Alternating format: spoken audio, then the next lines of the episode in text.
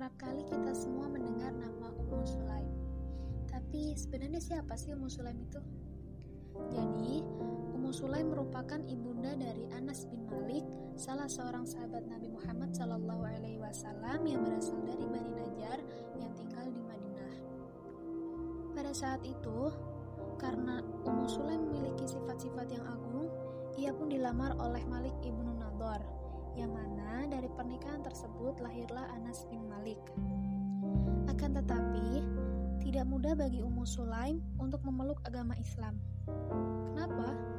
Karena orang pertama yang menantangnya dalam keislamannya tersebut adalah suaminya sendiri, yaitu Malik ibnu Nador.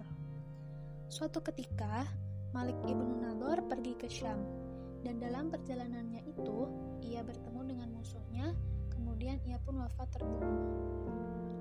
Pada tahun 622 Masehi, karena kecintaannya Ummu Sulaim kepada Nabi Muhammad Shallallahu Alaihi Wasallam, ia pun rela menghadiahkan buah hatinya, yaitu Anas bin Malik, kepada Rasulullah Shallallahu Alaihi Wasallam untuk menjadi pelayannya.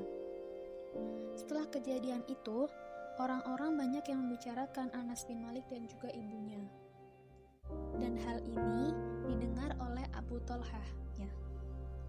Kemudian, ia datang kepada Ummu Sulaim untuk melamarnya.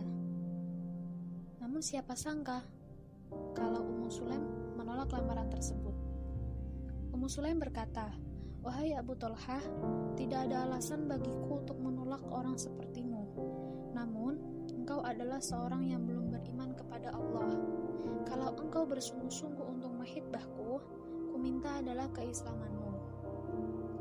Tidak lama dari itu, Abu Talha datang kepada Rasulullah Shallallahu Alaihi Wasallam untuk menyatakan keislamannya. Ashhadu an la ilaha illallah wa ashhadu anna Muhammadar Rasulullah. Dan pada akhirnya Abu Talha dan Ummu Sulaim pun menikah. Tapi teman-teman, keislaman Abu Talha ini bukanlah semata-mata hanya untuk pernikahan tersebut. Akan tetapi ia sungguh-sungguh mencintai Allah dan juga Rasulnya. Hal ini terbukti ketika ia masuk Islam secara kafah. Ia menjadi salah satu orang yang senantiasa membela Rasulullah Shallallahu Alaihi Wasallam. Diriwayatkan dari Thabit, ia berkata, dari Anas radhiyallahu anhu, tidaklah aku mendengar ada seorang wanita yang lebih mulia maharnya daripada Ummu Sulaim, yang mana maharnya adalah keislaman.